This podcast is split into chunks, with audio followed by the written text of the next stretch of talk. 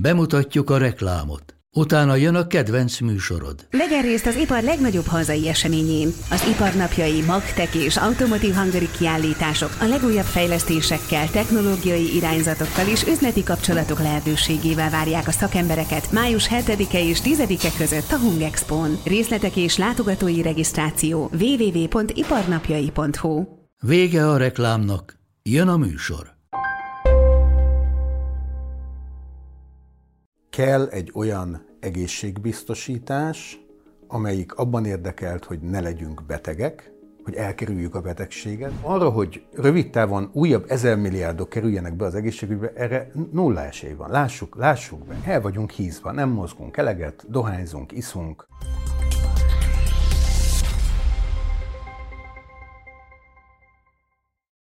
Az elmúlt évtizedek, de tulajdonképpen a rendszerváltás óta tartó időszak legproblémásabb társadalmi szegmense az egészségügy helyzete, annak a finanszírozása vagy alulfinanszírozottsága, de tulajdonképpen az elmúlt 5-10 évben a szakemberek egyetértenek abban, hogy ha nem lenne magánegészségügyi szolgáltatás, magánegészségügyi ellátórendszer, akkor az állami egészségügy működésképtelen lenne. Nos, többek között erről a véleményről, illetve az állami és magánegészségügy kapcsolatáról beszélgetek Kóka Jánossal, aki egyrészt végzett orvos, másrészt gazdasági és közlekedési miniszter volt 2004 és 2008 között, az SZDSZ elnöke volt, ezen felül pedig nagyon régóta, mióta visszatért a piacra, azóta magánegészségügyi intézményeket vezet. Köszönöm, hogy elfogadta a meghívásunkat. Köszönöm szépen a meghívást. Egy picit induljunk a kezdetektől, amikor a politikát abba hagyva visszament a piacra, akkor mi volt az elképzelés, milyen volt akkor az egészségügy helyzete, hiszen az pont egybeesik, hogy egy kormányváltással mindenki azt gondolta, hogy majd új szelek fújnak, természetesen voltak ígéretek, elképzelések, hogy hogyan lehetne az egészségügyet megreformálni. 14 év után azért ennek nagyon komoly látszatja nincsen. Akkor mi volt a helyzet?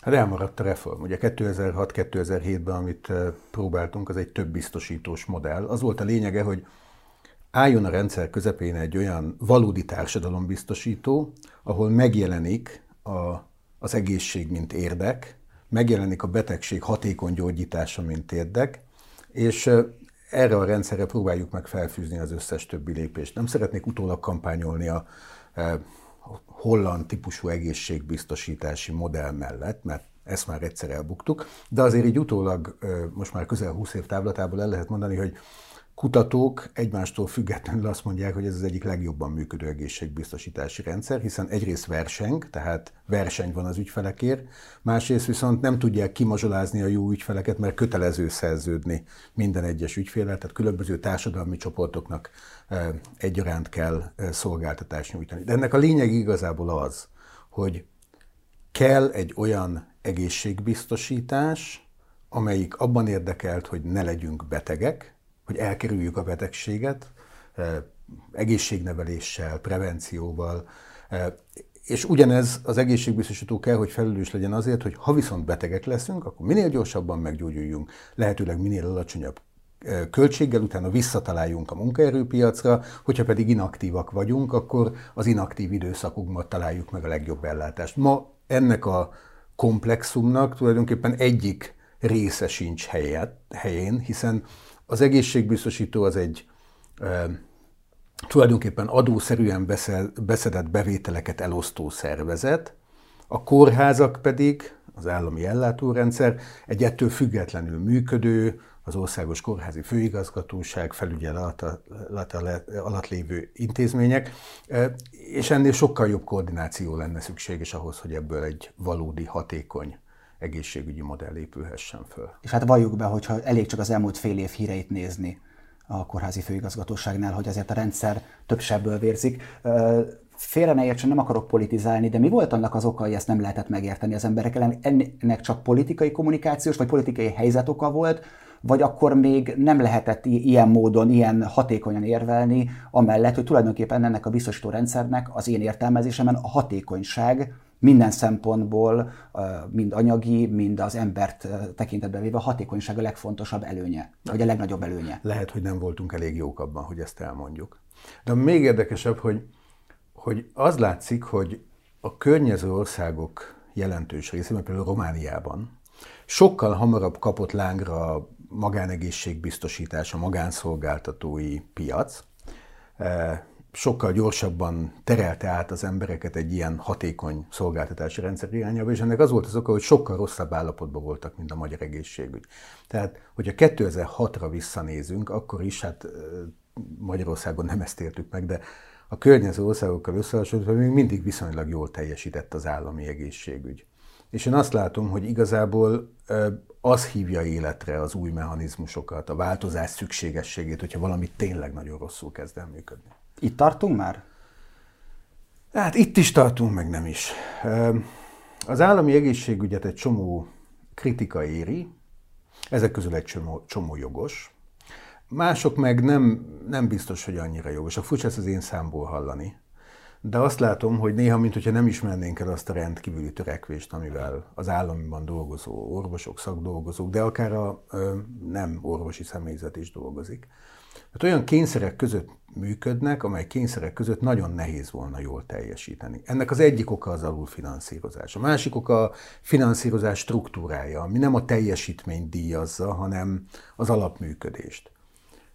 Ok az, hogy a politika nem hajlandó meghozni olyan döntéseket, amelyek szükségesek lennének ahhoz, hogy sokkal jobb egészségügy épüljön. Ilyen például, hogy nem kell minden kisvárosban kórház mindenféle osztálya, mert nyilván nincs rá megfelelő személyzet.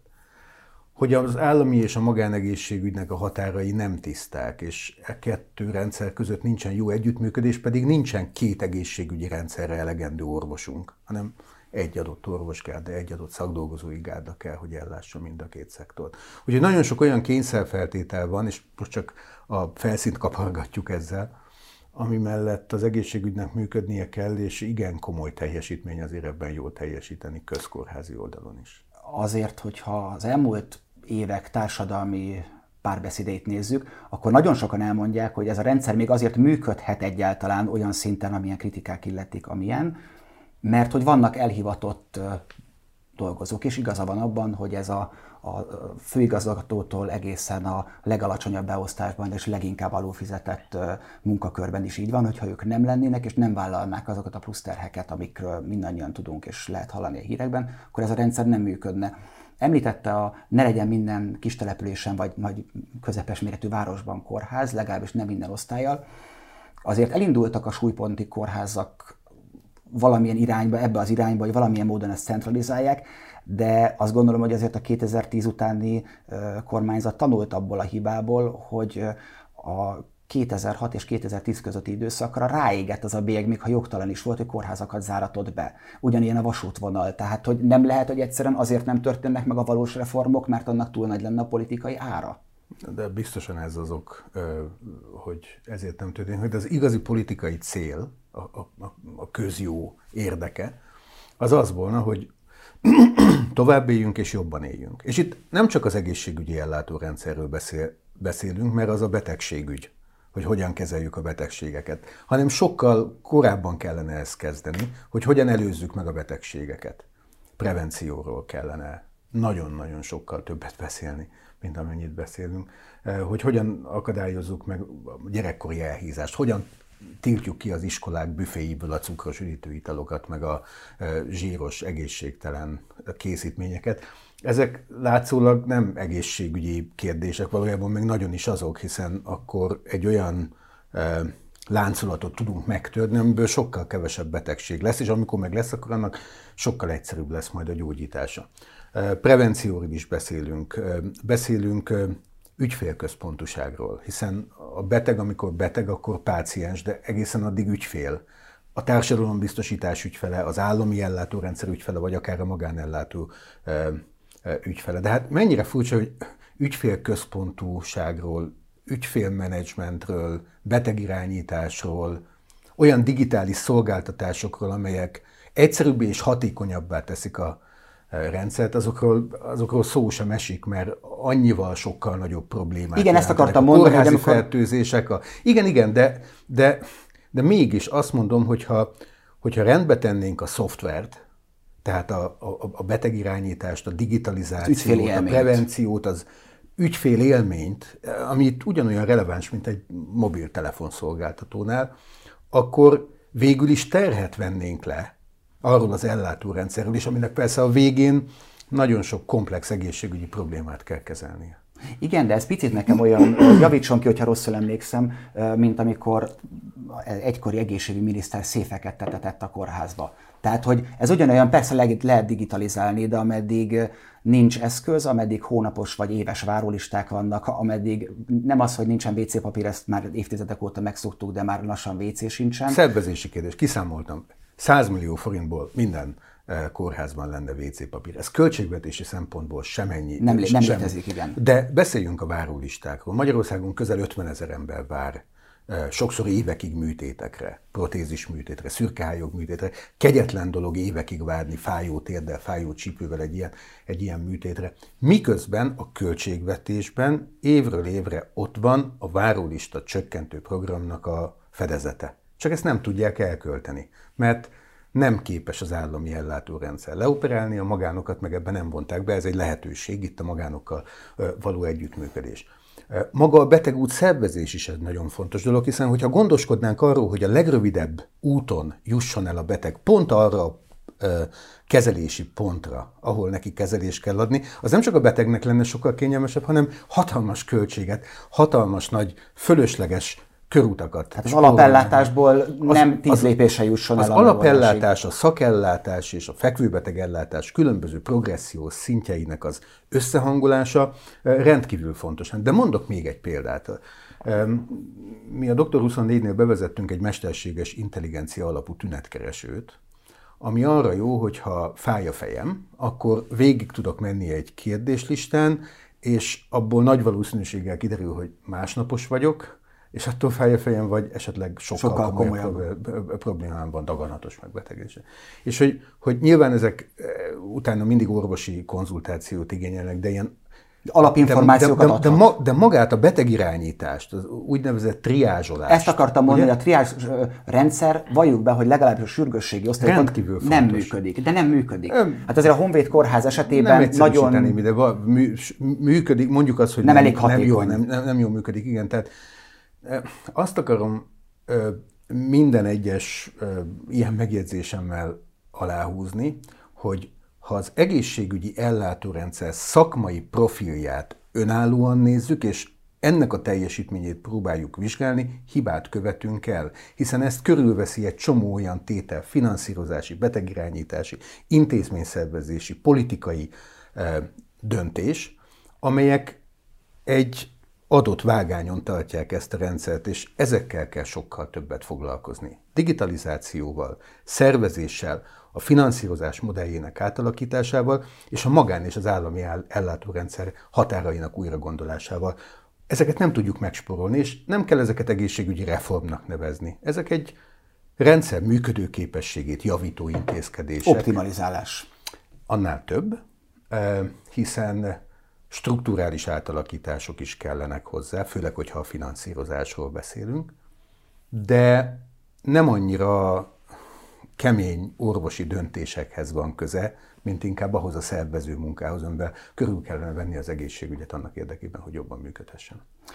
Ez, amiket most csak így témaszerűen vagy topikszerűen említett, ezek rendkívül magas pluszkiadásokkal járnának, vagy ez ugyanolyan, mint a WC papír esete, hogy tulajdonképpen viszonylag kis forrás bevonással nagyon látványos eredményeket lehetne elérni. Én azt állítom, hogy takarékossággal, hogy kisebb kiadásokkal járnának.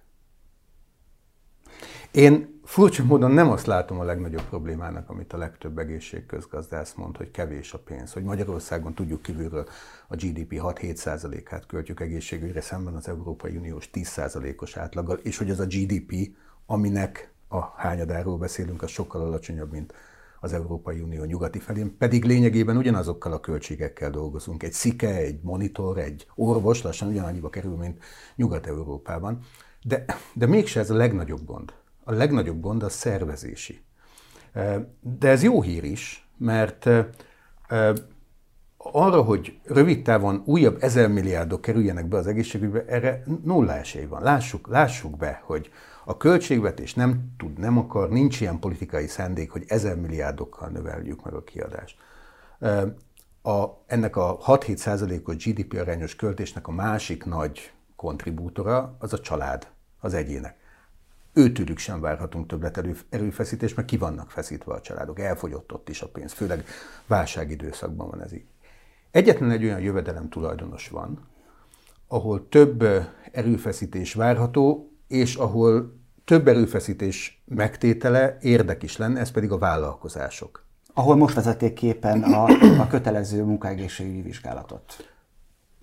E, ebből a székből megint furcsának fog hangzani, amit mondok, mert a Dr. 24 Magyarország legnagyobb foglalkozás egészségügyi e, vállalkozása, de tulajdonképpen e, empatikus vagyok ezzel a döntéssel, mert úgy tűnik, hogy felismerte a kormányzat azt, hogy nagyon sok esetben munkaegészségügy címszóval fölösleges adminisztratív terheket tesznek rá a vállalkozásokra. Miközben valódi egészségmegőrző, valódi egészségnyereségre törekvő munka meg hát elenyésző mértékben van csak ilyen a vállalkozás. Csak azért kérdeznék erre vissza, mert részint értem, amit mond, de miközben azért nagyon sok olyan tapasztalat van Magyarországon, hogy emberek tízezrei, százezrei akkor szembesülnek egy-egy krónikus betegséggel, amikor mondjuk meghosszabbítatják a jogosítványukat, és van egy olyan házi orvos, aki kicsit alaposabb, mint a nagy átlag. Igaza van, nincs elvégezve a munka. Az első fele az lehet akár jó is, hogy az adminisztratív terheket csökkentsük, és most kell, hogy legyen egy következő, és egy nagyon fontos lépés. Munkaegészségügy, vállalati egészségügy, az aktívak egészségügye. Nem jó dihotómia az, ahol az egészségügyet szegény és gazdag egészségügyre próbáljuk bontani. De, de releváns, értelmes, legitim felvetés az, hogy az aktív korúaknak, a dolgozóknak egészen más típusú egészségügyi szolgáltatás, és egészen más szolgáltatások szükségesek, mint mondjuk az inaktívaknak. De ez nem történt meg? Ez nem történt meg, és éppen ezért érvelek amellett, hogy biztosítási oldalról kell valami egészen újat hozni Magyarországon. És hogyha igaz az, hogy a vállalkozások érdekeltek abban, hogy egészséges munkaerő dolgozzon náluk, a dolgozó érdek oldalán szintén érdek az egészség, ezt ki se kell fejteni. Az állam oldalról szintén. Hiszen, hiszen a beteg ember sokba kerül, így van. és nem termel hasznot.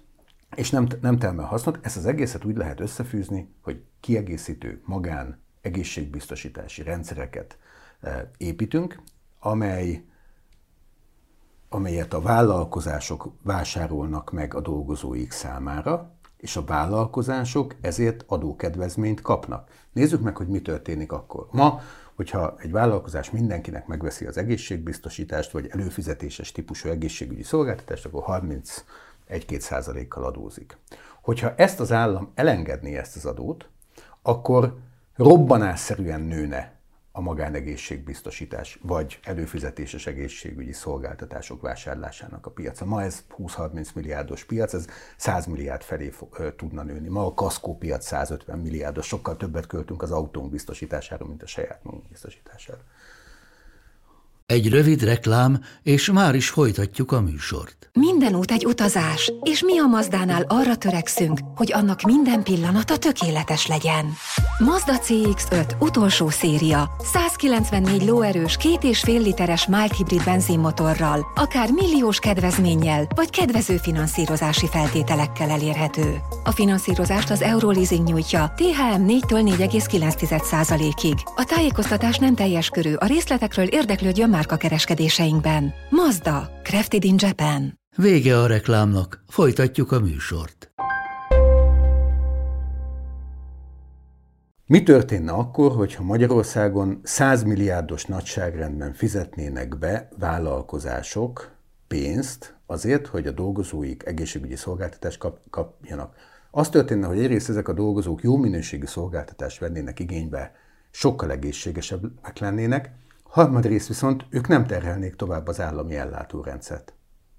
Magyarul az állam azért cserébe, hogy adókedvezményt ad a vállalatoknak, akik aztán fizetik az egészségbiztosítást a dolgozóiknak, azért cserébe megszabadul 100 milliárdos nagyságrendű költségtől. Tehát és tehermentesítjük az adó miatt, de közben bukik, meg nyer. De közben, közben számításaim szerint 60-80 milliárd forint lenne az éves nyereség, és ez még az egészségnyereségen felüli nyereség, ami azért könyvelhető el, mert ezek a polgárok, ezek a dolgozók, ezek a magánszolgáltatóknál vennék igénybe a vállalatuk által finanszírozott szolgáltatásukat.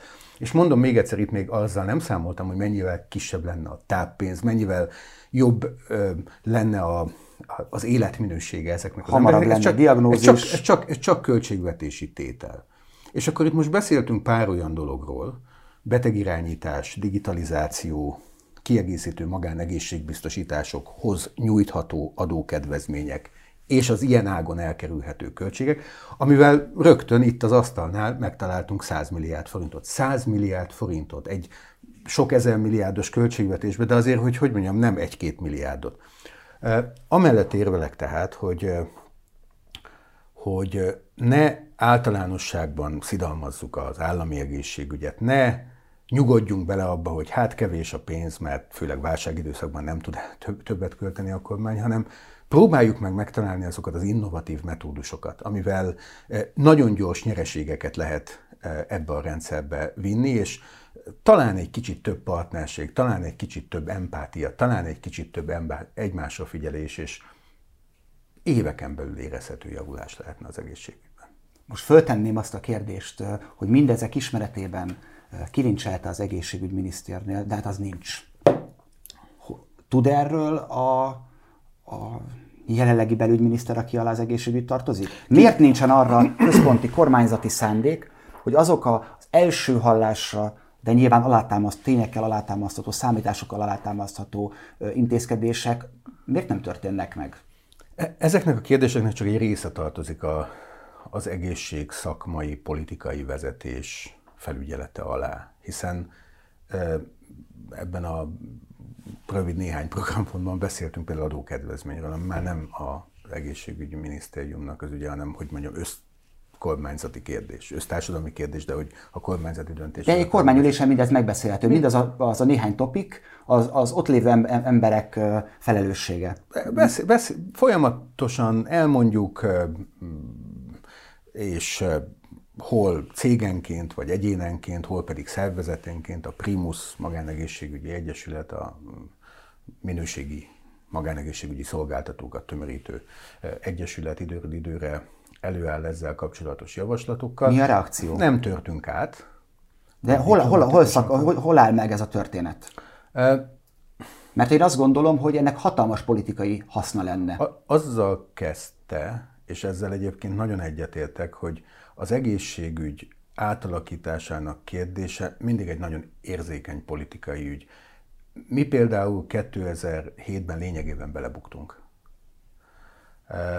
Amikor annak idején Hans Dietrich Genscher kedves meghívására 2009-ben Németországban jártam, és a német választásokat frissen megnyerte Guido Westerwelle által vezetett FD, vagyis hát élete legjobb eredményét érte el az FDP, akkor nekem az azóta sajnos elhunyt Westerwelle elnök úrral volt egy öt perces lehetőségem beszélgetni. Azt mondtam neki, hogy elnök úr, egy javaslatom lenne tapasztalatból, mondom, az egészségügyet ne, válja, ne vállaljátok be, mert ki fogtok bukni a parlamentből. Nézzük meg, hogy mi történt pár év múlva. Az FDP-vel zuhanó repülésbe kezdett, mert bevállalta az egészségügyet. Nem egy hálás terület. Éppen ezért én tartózkodnék attól, hogy egy egészségügyi reform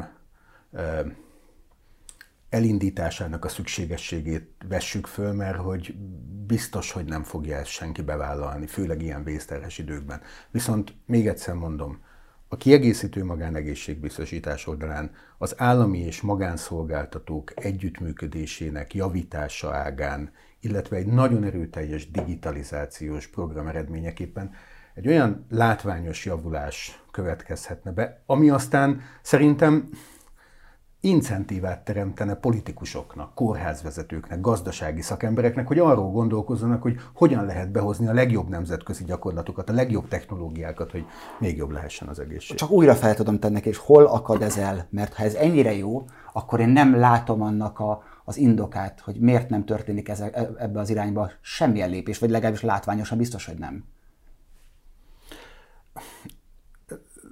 Olyan ellenállásokon akad el, amit mi nem is feltétlenül látunk.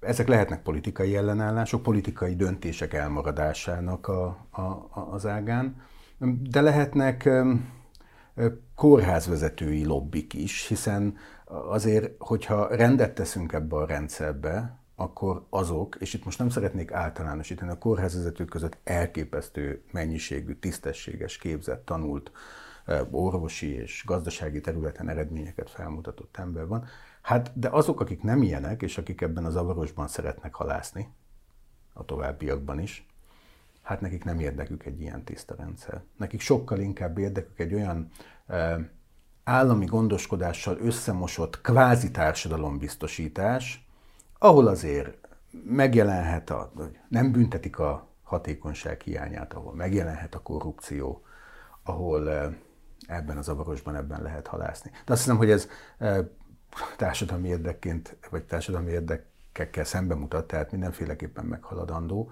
Én örök optimista vagyok, szerintem ebből lesz valami. Szerintem ki fogja ezt fordni magát. A magánegészségügy szerepe az elmúlt 10-15 évben érdemben felértékelődött. Hát most már Magyarországon többen vannak, akik igénybe vettek valaha magánegészségügyi ellátást, mint akik nem. Erről majd mindenféleképpen beszélünk, de bocsánat, egy fontos téma még itt, amikor az átalakításokról beszélt, az részletében nem került kibontásra. Jól tudom én azt, hogyha valaki a magánegészségügyben végeztet el mondjuk különböző vizsgálatokat, ami egy későbbi műtét során mondjuk releváns lehet, azt nem veszi figyelembe az állami ellátás? Tehát kvázi újra csináltatnak vizsgálatokat, mert volt olyan orvos, aki ezt ez, erről beszélt, hogy többek között ezzel lehetne várólistákat csökkenteni, hogy akinek van rá lehetősége, bizonyos labor és egyéb vizsgálatokat, mondjuk képi, képalkotó diagnosztikai vizsgálatokat megcsináltat magánegészségügyi ellátásba, de hogy ez bizonyos esetekben egyszerűen nem használja, nem ér össze az állami és a magánegészségügy sok esetben, és ugye erről ön is beszélt, itt a határok, most vannak valahogy, de ezeken valószínűleg módosítani kéne. E-, ebben a tekintetben egyébként egy kicsit jobb a helyzet, ez az EST, az egészségügyi szolgáltatási tér. Ez, Amit az össztársadalom azért ismer, mert ott van fönt az e-recept. Ott van fönt az e-recept, de ott van fönt minden orvosi előzményünk, minden olyan leletünk, amelyet állami vagy magánszolgáltatónál kaptunk, kötelező feltölteni. Tehát ilyen módon árnyalnám ezt, hiszen az orvos megtalálja az államiban, a magánban végzett beavatkozásoknak a leírását, és fordítva megtalálja a leleteket. A képalkotó diagnosztikai leleteket is, de magukat a képeket nem. Tehát, ez egy informatikai kérdés tulajdonképpen. Ez egy, ez egy, ez egy informatikai kérdés első megközelítésben, de az EST-t azt inkább méltatni szeretném.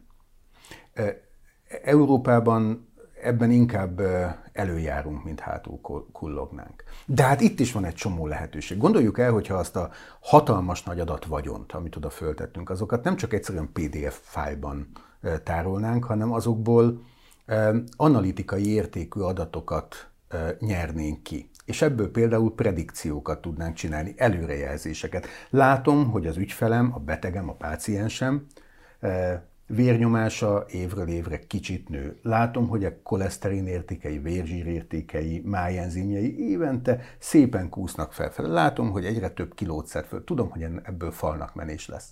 És fel tudnám hívni a figyelmet, és mennyivel jobb lenne, ilyen prediktív analízisekkel, megint csak a mesterséges intelligencia. Így van, a lehetőség megvan. Így van, me, arra felhívni, hiszen sokkal olcsóbb, sokkal ügyfélbarátabb, sokkal kellemesebb mindenkinek. És kardiovaszkuláris és metabolikus. Kardiovaszkuláris, metabolikus, mozgásszervi,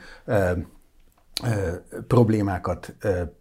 Cukorbetegséget, daganatos megbetegséget, minden, minden. Hát igen, és ezeknek a következményeit, tehát pont azt akartam mondani, hogy ugye a metabolikus megbetegedéseknek, az elhízásnak, az életmód problémáknak a következménye nagyon sok esetben nagyon súlyos következmény, például rákos megbetegedés. És azt gondoljuk át, hogy, hogy mondjuk egy súlyosan elhízott polgártársunkat lefogyasztani, az mekkora költség, meg mekkora költség lesz majd az ő hasnyálmirigyrákját gyógyítani, de mindenek előtt arról beszéljünk, hogy neki ez mennyire más, mert hogyha el vagyok hízva és engem lefogyasztanak, az egyféle típusú erőfeszítés, ha meg egy szinte reménytelen hasnyálmirigyrákból kell engem kigyógyítani, az egy, az egy hogy mondjam csak, eredménnyel nagyon kismértékben kecsegtető hihetetlen nagy tortúra. Költség, életminőség, életkilátások, egészségnyereség mind-mind amellett volnának, hogy próbáljuk meg ezt rendbe tenni, még mielőtt rengeteget kell költeni az egészségünkre.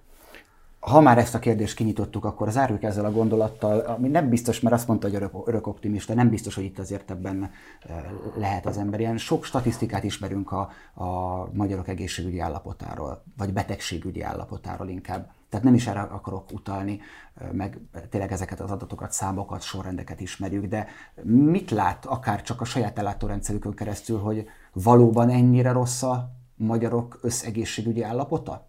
És ha igen, akkor ennek mi az oka? Mi a legfőbb kiváltó oka? Rossz, hát el vagyunk hízva, nem mozgunk eleget, dohányzunk, iszunk, a magyar konyhának a sajátosságai, a magyar életmódnak sok esetben sajátosságává vált ez az egészségtelen életmód, de azért látjuk ennek ebből a kivezető utat is. Egyre több diszkont élelmiszerlánc polcain vannak megfizethető olcsó élelmiszerek. Egyre több zöldséghez, gyümölcshöz tudunk hozzájutni megfizethető, megfizethető áron. Az éttermek menüin egyre többször vannak egészséges ételek. De, de tovább kell vinni, mert például ott van egy korosztály, fiatalok, a gyerekek, erre már utaltam, akiknek az elhízását, a rossz minőségű táplálását kisgyerekkorban kezdjük el kódolni. És ezzel egy olyan láncolatot hozunk létre, amit meg kell törni, lehetőleg már kisgyerekkorban. Ha én egészségügyi miniszter lennék, vagy ö, kormányzati szereplő, biztosan ragaszkodnék egy olyan programhoz, hogy az iskolai büféket próbáljuk meg megreformálni. Mondom, látszólag semmi köze ahhoz, hogy ő 50 De azért ez megtörtént, mert nagyon sok helyen ez szabályozva van már. Bizony... Én visszamentem egykori általános iskolába, és megdöbbentem, hogy eltűnt a gumicukor. Sőt, tulajdonképpen cukros üdítő, hozzáadott cukrot tartalmazó üdítőt például nem lehetett árulni. Én ebben a tekintetben látok javulást. La, van, Sokkal van inkább javulás. az otthoni otthonról hozott példa, illetve a közétkeztetésnek a minősége az, ami fölvet problémákat, hiszen előbb-utóbb minden gyerek már az óvodában szembesül azzal, hogy mit kap, ott is vannak nyilvánvaló fejlődések, talán reformnak is lehet őket nevezni. Az én kisfiam óvodájában például pénteken nem adnak húst, ami én azt gondolom, hogy fenntarthatóság, meg egyéb szempontból is, meg ízek megismerése miatt egy jó irány. De, de hogy valahol ez ott romlik el, mert vagy az otthoni környezet, vagy a külső környezet nem optimális a gyerekek nevelésében. Látunk-e olyan iskolai büfét, ahol megfizethető áron szem előtt volna egy sárgarépából, fehérrépából, almából készített kis, mű, ízlésesen becsomagolt műanyag. Van, csak egy millió forint fölött van a tandíj valószínűleg havonta. Na, tehát én arról beszélek, hogy az iskolák nagy részében ilyeneket kellene, vagy legalább ilyeneket is kellene kínálni a Alternatívát nyújtani. Láttuk a finn példát, láttuk az Ausztrál, New South Wales ezzel kapcsolatos példát. Érdemben mérhető módon lehetett javítani a gyerekeknek az elhízását. Tehát szerintem ennek a gondolatnak a lényege az, hogy ha csak az egészségügyi ellátórendszer finanszírozásának a problémáin gondolkozunk, akkor pont nem látjuk ettől a fától azt az erdőt, amely az iskolabüféktől, az egészségnevelésen keresztül egészen a finanszírozás társadalmi kérdéseig tart. Egy utolsó kérdést engedje meg, azt mondta, hogy ha én lennék az egészségügyminiszter. Van ilyen elképzelése? Csak azért kérdezem, Nincs. Nem, nem, nem hírértékileg, hanem annyira nyilván szakmaiságából adódó lelkesedéssel és ö, ö, vehemenciával tud rávilágítani ezekre a dolgokra. Nincs ilyen én, elképzelés? Én, én, egy, én egy egészségügyi céget építek, és minden energiámat erre szánom, és ennek az ágán, a digitalizáció ágán szeretném segíteni ezt a folyamatot, de érdekességképpen elmondom, hogy 18 napig voltam egészségügyminiszter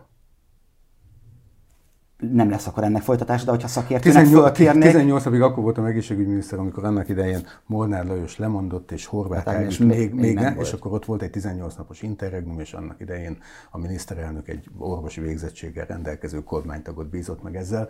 Már Nincsen, ez már unikális döntésnek számítana. Nincsenek, nincsenek semmiféle politikai ambícióim, kizárólag üzleti ambícióim vannak. De ha szakértőnek Szakmapolitikaiak annyiban, hogy, hogy, hogy, hogy mi bárkinek bármikor szívesen elmondjuk, hogy digitalizáció ágán, finanszírozás ágán, szervezés ágán, minden, amiben a magánegészségügy sokkal jobb, és mindig is sokkal jobb lesz, mint az állami, miben tudnánk hozzáadni azokhoz a kérdésekhez, amiknek egy nagy részéhez mi lehet, hogy nem is értünk, de azokkal pedig foglalkozzanak azok a állami vezetők, egészségügy, egészségközgazdászok, akik viszont az állami rendszer csínyát, bínyát ismerik jobban. És ha önnek akarnék időt spórolni, akkor mondanám, hogy nézzék meg ezt az adást, mert akkor nem kell még egyszer elmondani önnek azoknak, akik erről majd később döntést hozhatnak. Nagyon köszönöm, hogy elfogadta a meghívásunkat. Nagyon szépen köszönöm a meghívást. Önöknek pedig köszönöm a figyelmet, hogyha eddig még nem tették volna meg, akkor iratkozzanak fel a csatornánkra, és várjuk a véleményüket a komment szekcióban. Viszontlátásra!